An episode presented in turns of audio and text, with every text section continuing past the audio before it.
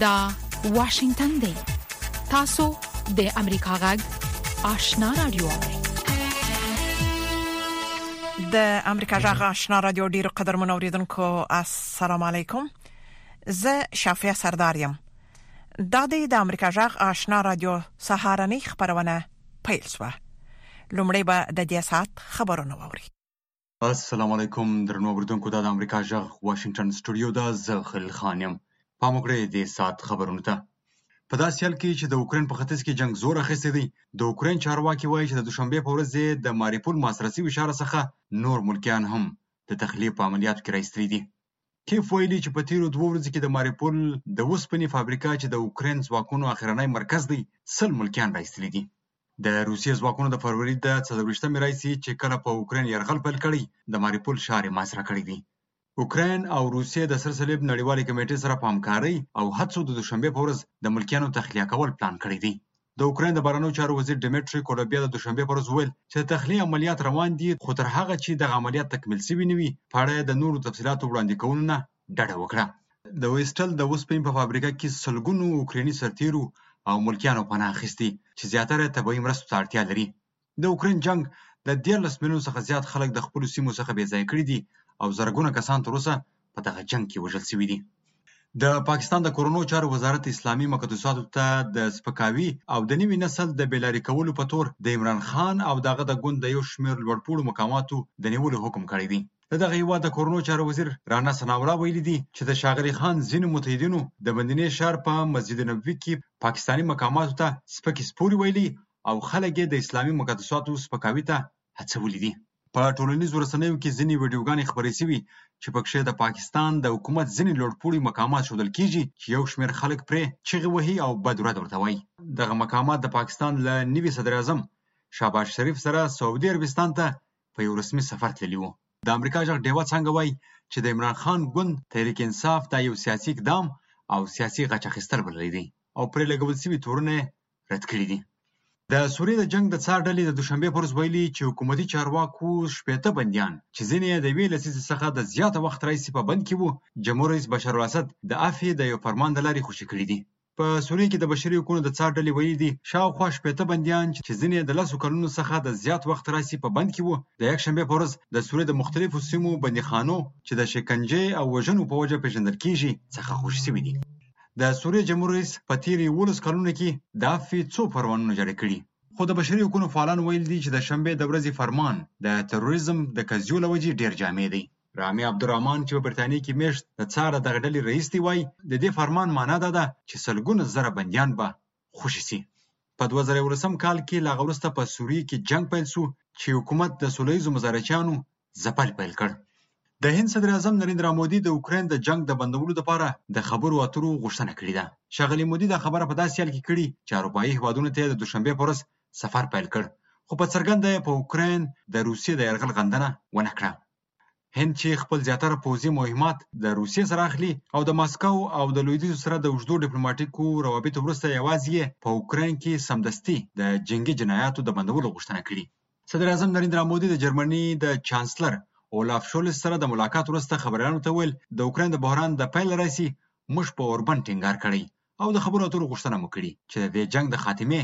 یوازنۍ لار ده. هغه زیاته کړه، موږ په دې باور یو چې په جنګ کې به هېڅوک ګټونکی نه وي او ټول به بایلونکي وي او له دې وجې موږ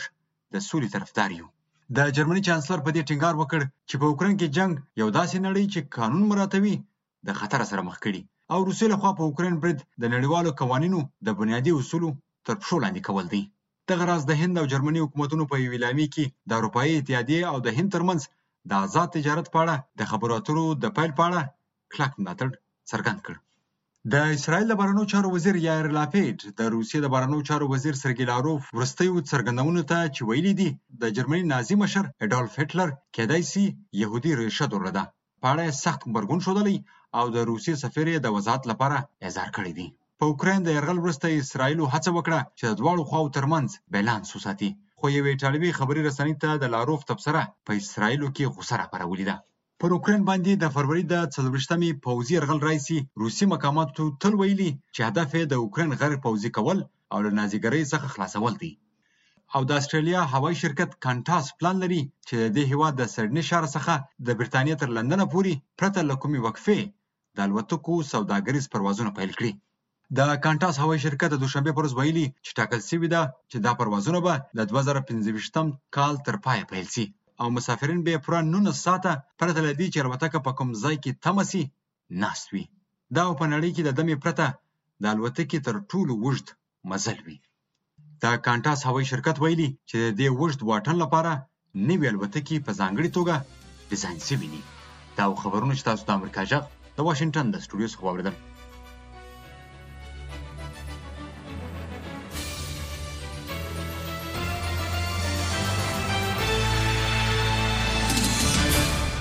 تاسو خبرونه د امریکا جغ آشنا رادیو څخه واوریدل درنو اوریدونکو اختر مو مبارک شه نن په دې سهارنۍ پښتو خبرونه کې د افغانستان سیمه او نړۍ د اوسنوي حالات په اړه کې مهم مطالب او د امریکا جغ سرمقاله لرو هله د خبرونه تر پایه واوري لومړی به دا راپورټ واوري چې د طالبانو د حکومت د پوهنې وزارت سرپرست د نړیوال ټولنې څخه په افغانستان کې د پوهنې له بهیر څخه د ملاتړ غوښتنه کړې ده. دغه راز د پوهنې وزارت وايي چې په چین او هندوستان کې د اته ویشت میلیونو د ښوونځیو د درسي کتابونو د چاپ کار روان دی. نور تفصیل زموږ د خبریال اکرام شینواري په رپورټ کې واورئ. د طالبانو د اسلامي امارت د پوهنې وزارت سرپرست مولوي نورالله منیر د کوچني اختر په مناسبت پیغام کې د ګاونډیو هیوادو او نړیوال ټولنې څخه د پوهنې سکتور سره د مرستې او همکارۍ غوښتنه کړې د پوهنې وزارت د خبرونو رئیس او ویاند عزیز احمد رایان د مولوي منیر د دغه پیغام په اړه خبریالان ته ویل چې په تعلیم سمبال افغانستان د هر چا په ګټه دی له ګران ملت نړیوالې ټولنې او ګاونډیو هیوادونو څخه هیله لرو چې افغانستان په تعلیمي ډګر کې یوازې پرې نه ږدي متمدن، مسئول او په تعلیم سندبان افغانستان د هر چا په ګټه دی. د افغانستان خاوره او بشري سرچینې به هیڅکله د کوم ګاونډي هیواد یا بهرني جهت په خلاف نه استعمالیږي. افغانستان د خپلو ارزښتونو په چوکاټ کې د نړیوالې ټولنې یو متحد غړی او وفادار متحد دی، مه پرېږدئ چې دا وفادار متحد د نړیوال تمدن له قافلې څخه شاته پاته شي. د پوهنې وزارت سرپرست په خپل دغه پیغام کې د شپږم ټولګي څخه د پورته انجونو د ښوونځیو د پرانیستو په اړه څه نه دي ویلي، نړیوالې ټولنې د پوهنې سکتور سره خپلې مرستې د انجونو د ښوونځیو د پرانیستلو پوري تړلې دي د پوهنې وزارت وایي چې د انجونو د خونځې د پرانیستو لپاره په یو طرح باندې کار روان دي چې دغه طرحې د بشپړېدو وروسته به افغانستان کې د شپږم ټولګي څخه پورته د انجونو خونځې پرانیستل شي خو دغه وزارت دغه طرحې د بشپړېدو لپاره کومه نیټه نه ټاکلې د پوهنې وزارت د حمل په درېمه د نوي تعلیمي کال د پیل پر مهال د نامعلومې مودې لپاره د شپږم ټولګي څخه پورته د انجونو خونځې د بند پاتې کېدو اعلان وکړ حق د ماشومانو ساتنې یوې نړیوالې ادارې سیپ اف د چلډرن د راپور لمخې اوس مهال افغانستان کې اتیا فیصد انجونې په ښوونځیو کې له زده کړو محرومې شوې دي د بلې خوا د پوهنې وزارت د خبرونو رئیس او ویاند عزیز احمد رایان وایي چې د ښوونځیو د تعلیمي نصاب د کتابونو چاپولو او په ښوونځیو کې د کتابونو د ویشلو بهیر په چټکۍ سره روان دی او تر اوسه شاوخوا و میلیونه کتابونه په کابل کې په ښوونځیو کې ویشل شوي دي د کابل په ښار او ټولو څوارلسو ولسوالیو کې د و میلیونو درسي کتابونو د ویش بهیر بشپړ سوی دی. د هیواد په اوو نورو ولایتونو کي څه د پاسه شپږ میلیونه کتابونه د توزیع په حال کي دي، څه د پاسه پنځه میلیونه کتابونه چي د هیواد اوو ولایتونو ته کفایت کوي له چین له چین څخه هیواد ته د رارسیدلو په حال کي دي. د نونسو پاتي ولایتونو لپاره یوویشت میلیونه جلده کتابونه په هندوستان هیواد کي تر چاپ لاندي دي. چې په نږدې راتلونکي کې به یې د چاپ، انتقال او توزیع پروسه بشپړه شي. د پوهنې وزارت د خپرونو رئیس وویل چې د دغه وزارت هڅه دا ده چې په ټول افغانستان کې ماشومانو ته د زده کړو یو متوازن او معیاري چاپیریال برابر شي. د پوهنې وزارت دغه چارواکي وویل چې په ولایتونو کې د ښوونکو د کمبود پوره کولو لپاره د ازاد رقابت له لارې د ښوونکو د ګمارلو بهیر پیل شوی دی. د ازاد رقابت له لارې په مرکز او ولایاتو کې د نارینه او ښځینه ښوونکو د ګمارنې بهیر په بریالیتوب سره روان دی. د هېواد په هره ولسوالي کې کم تر کمه له درې څخه تر لس پورې د کلیوالي لومړنیو ښوونځیو او د هر ولایت په سطحه د یوې سترې دیني جامعې چې لږ تر لږه به د زر تنو زده کوونکو د ځایولو ظرفیت ولري جوړول په نږدې راتلونکي کې په پلان کې دي. د علماوو د تعلیمي اسنادو د ارزیابي لپاره د یو غوره میکانیزم له مخې کار روان دی. د پوهنې وزارت د معلوماتو پر اساس اوس مهال دغه وزارت سره شاوخوا دوه سوه پنځوس زره ښوونکي چې نږدې سل زره یې ښځې دي کار کوي. د افغانستان او نړۍ په اړه تازه خبرونه، سیاسي تحولات او وړاندې څېړنې د پیښو کره کتنه او ژوره څېړنه د امریکا غږ آشنا تلویزیون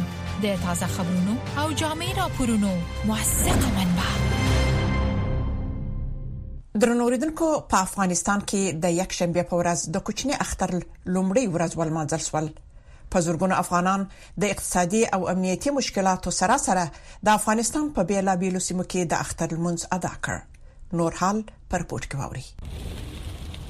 طالبانو په یو کمسار اقدام کې د نور اسلامي هیوادونو برخلاف نن یک شنبه د اختر لومړی ورځ اعلان کړه او په دې توګه د روژې مبارکه میاشت پای ته ورسیده افغانانو د پراخو اقتصادي مشکلاتو سره سره هڅه کړې چې اختر ته ځانونه چمتو کړي د کابل سړکونه که څه هم د وچو میوو له پلورونکو ډک وو خو سږ کال د نورو کلونو په پرتله د خلکو د خرید توان کمزوری وو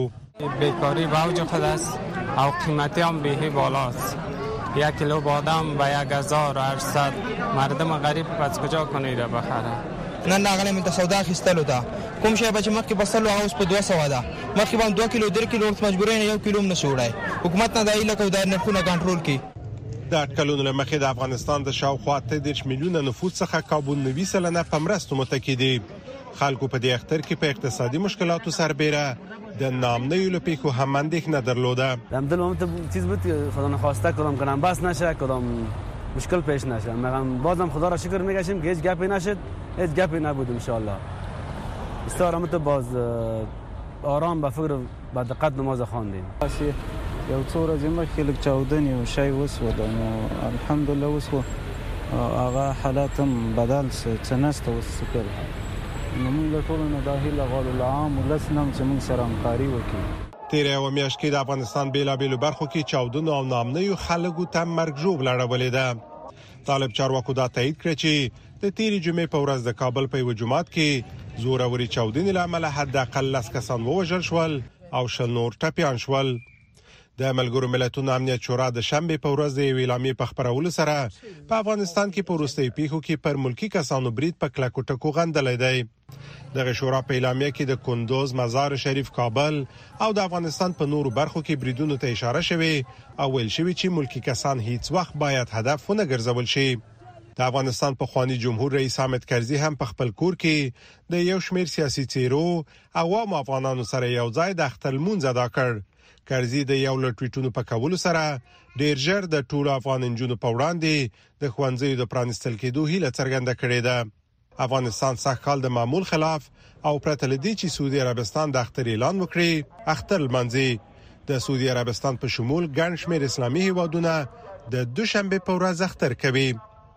د طالبانو رهبر د یک شنبه په ورځ د اختر د لمونځکونکو په وړاندې په راڅرګندېدو سره وویل چې طالبانو واک ته تر رسیدو وروسته ازادي او امنیت راوستی دی سمیع الله جلالزی د امریکا غږ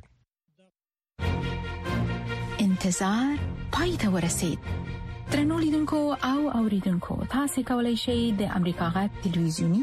او رادیوي خبرونه د یاشات ساتلایت له طریقو وګورئ او واورئ د نوي ساتلایت لارې تاسو د آشنا اتصال او کاروان ټلویزیونی خبرونه کتلای هم شئ د امریکا غږ د افغانستان څنګه خبرونه په 398 چینل او د آشنا رادیوي خبرونه په 390 چینل کې اوریدلای شئ لملتيامو د تل پشان مننه د ورجینیا ایالت د سټرلینګ د اقصا اسلامي مرکز امام شیخ سمیع الله صافی چې څو وخت د روژې د میاشتې د تراو د ختم لپاره راځي نو شاګردان او مقتدیان هرکلی کوي شیخ سمیع الله صافی وایي چې د دوی اسلامي مرکز کې د هر هېواد، رنګ او نسل مسلمانان په یو صف کې ولاړ وي. موږ او تاسې که چېرته دې مسجدونو ته ورشو، ماشاءالله تعالی د هر یو تور دی او که سپین دی او که د افریقې دی او که د اسیا دی او که د هر یو امریکا دی او که د اسټرالیا دی نو ټول ماشاءالله په یو دسترخوان باندې ناست وي، په د افطار په وخت کې، د سحري په وخت کې په مسجد کې لکه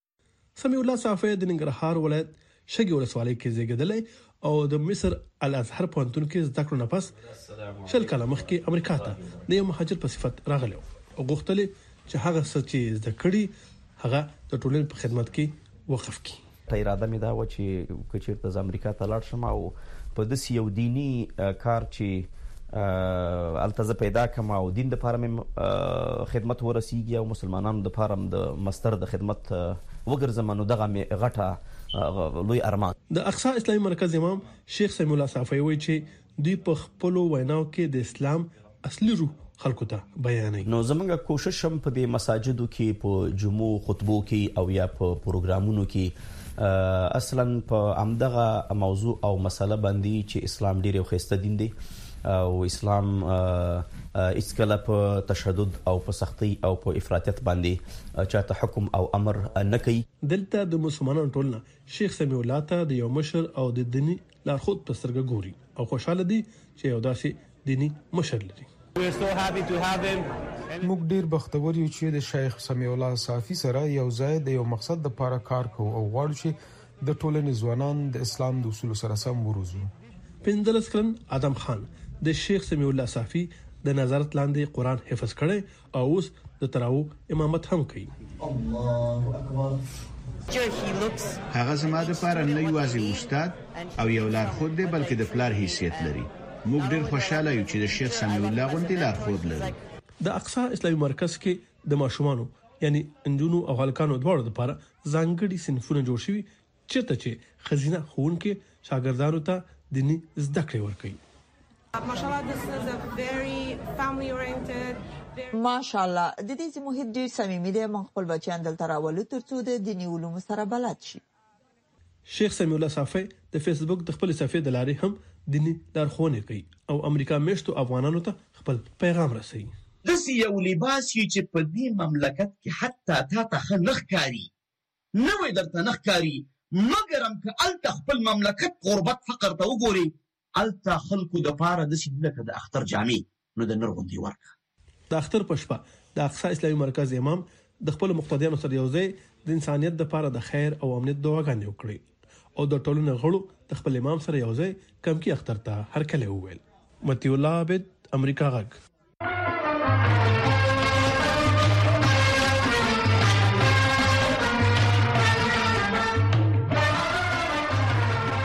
درنو اوریدونکو د امریکا غاک آشنا رادیو د اختر په مناسبت ځانګړي خبرونه لري تاسو کولای شئ چې نن د سپین خبرې د خبرونه پر وخت د شپې د 8 بجو نه تر 10 نیمو بجو په مستقیمه توګه آشنا رادیو سټډیو ته زنګ ووهئ او د اختر په مناسبت په ځانګړي خبرونه کې برخه واخلئ د ټلیفون شمیره 001 202 شپږ یو نه درې یو درې شپږ امریکا غږ آشنا رادیو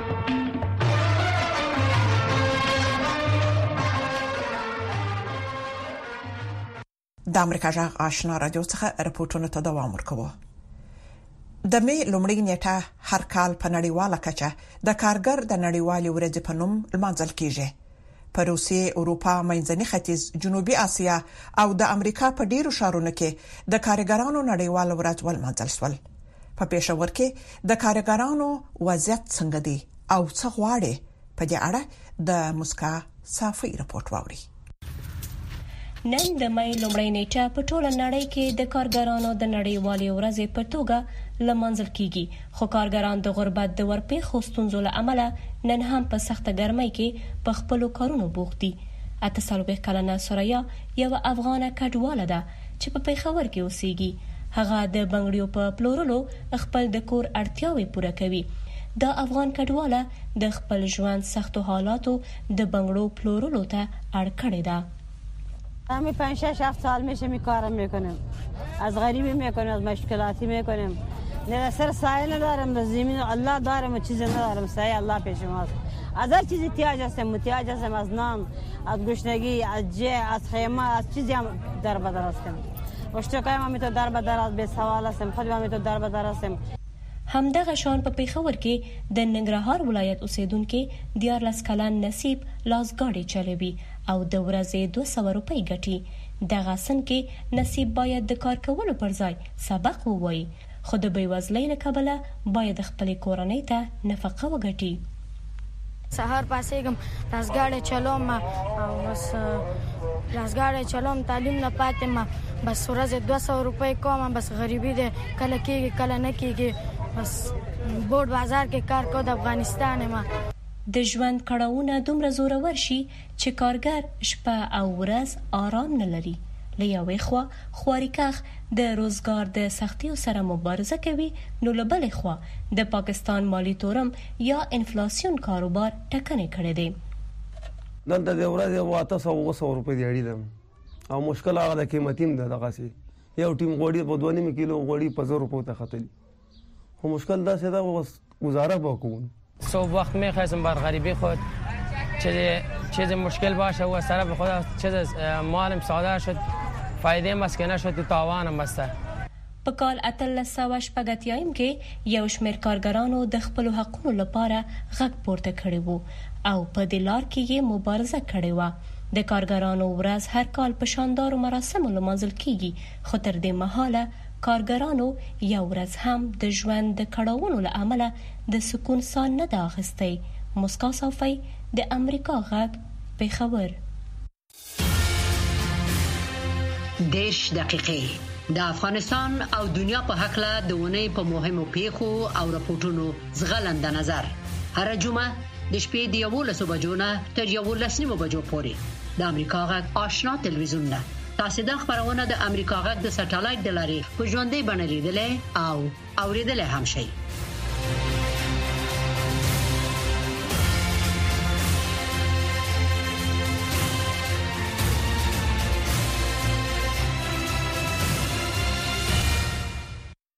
په داسې حال کې چې د اوکراین په ختیځ او جنوب کې د روسي ځواکونو بریدونه دوام لري،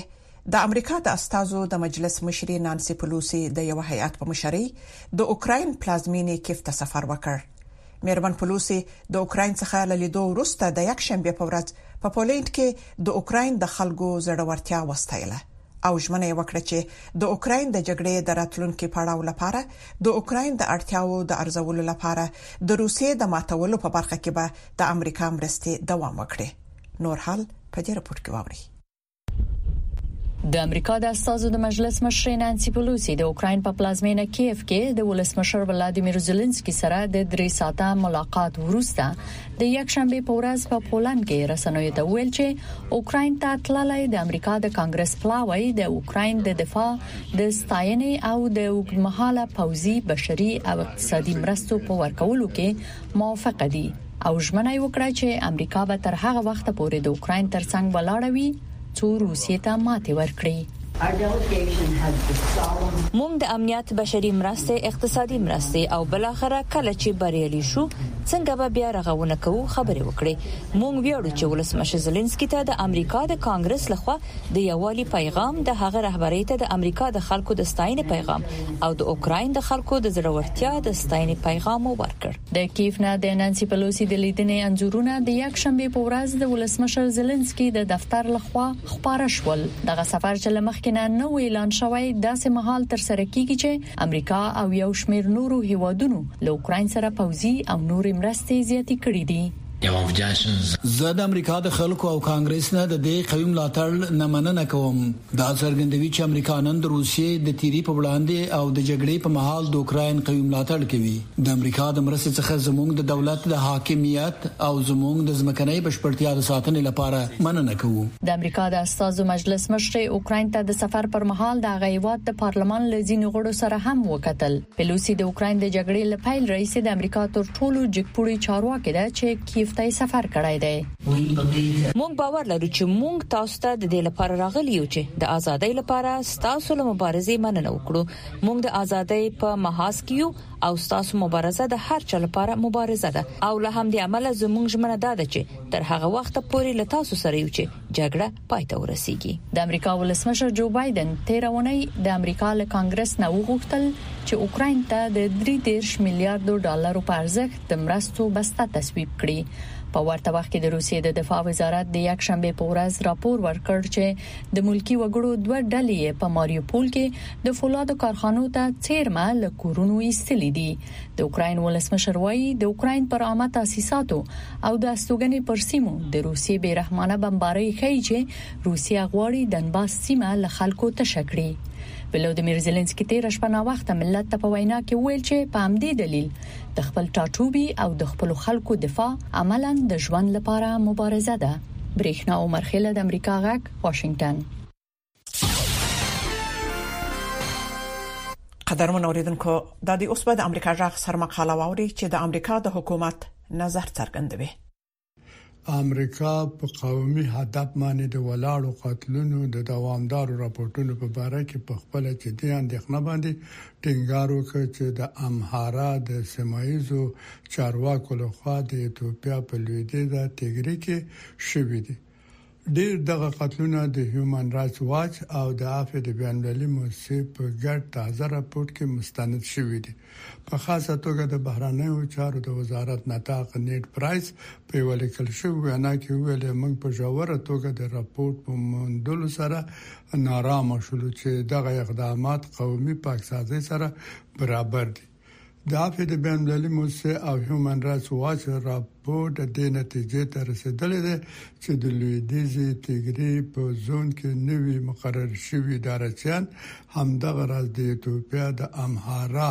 سیمایز ماموران او امنیتي چارواکي د قومي پاکسازي د مبارزې همدغه راز د بشریت په خلاف د جنایتونو او جنگي جنایتونو مسؤل دي د دوه زره شلم کال د نومبر په میاشت کې د جنګ د پیل کېدو نه را په دېخوا په لویدیځه تیګرې کې تیګریان هدف ګرځول کېږي. نطاق پرایس څرګنده کړه چې راپورټونه وايي د ایتوپیا د تیګري قوم د زرګونو کسانو په لویدیځ تیګرې کې په خودسرانه توګه بندي کول دوام لري د دغو بندي کولو شرایط دومره خراب دي چې ژوند ګواښي منګه غوښتنه کوو دا رنګ بنديان سمدستي خوشی کړی شي او په مربوطه چارواکو باندې غږ کوو چې بین المللي څارونکو ته اجازه ورکړي چې د توقيف ټولو مرکزونو ته لاسرسي ولري ښاغلي پرایس وویل، دا زموږ کلک دریځ دی چې په دې باره کې باوري تحقیقات وشي او د هغو عام قاتلینو په باره کې حساب کتاب وشي چې په جنجال کې هره شامله خوا یې مرتکب شوې وي. دا د ستونزې د دوامدار حل د یوې برخې په حیث ده. موږ د ایتوپیا له حکومت نه غواړو چې په ایتوپیا کې د بشري حقوقو په اړه د ملګرو ملتونو د متخصصانو د کمیسیون سره همکاري وکړي. د عام قتلونو دوامداره راپورونه د نظامي جنجال پای ته د رسولو په سمدستي والي باندې ټینګار کوي. امریکا د ایتوپیا د حکومت او د تګری د سمایزه مقام له خوا د دښمنۍ و پای ته درسولو اعلامي هرکلی وکړ او په هغو خبرونو خوشاله شول چې د دوی پسې د ژوند ژغورنې د مرستې د رسولو لومړي کتارونه پیل شول د دغه اعلامیو په نظر کې نیولو سره امریکا خپل غوښتنه نه وکړه په ټولو وسله والو اکټرانو باندې غږ وکړ چې د ملکیانو په خلاف له تاوتریخوالي ډډه وکړي او له بشري حقوقو سرغړونې پای ته ورسوي. امریکا په خپله غوښتنه باندې ټینګار وکړ چې له ایتوپیا نه دې ټولې خارجي قواوې ووځي، همدغه راز د سیمه ایزه چارواکو لپاره چې له ګاونډیو سیمو نه خپلې امنیتي قواوې لرې کړي. نطاق په پرس له ټولو شاملو خواوو نه وغوښتل چې ضروري اقدامات وکړي چې د دښمنیو د ودرولو او د بشري لاسرسي په مخ کې د خنډونو د نه اچولو او دوامداره لاسرسي له بشري حقوقو نه د سرغړونو په باره کې د شفافو تحقیقاتو او د ټولو اکټرانو له خوا د سرغړونو په هکله د تحقیقاتو ډاډ ورکړي او په ایتوپیا کې جنجال ته دې د خبرو له لارې حل پیدا شي. تاسې د امریکا غږ سرمقاله واورېده چې د امریکا د حکومت رسمي نظر یې څرګند کړ.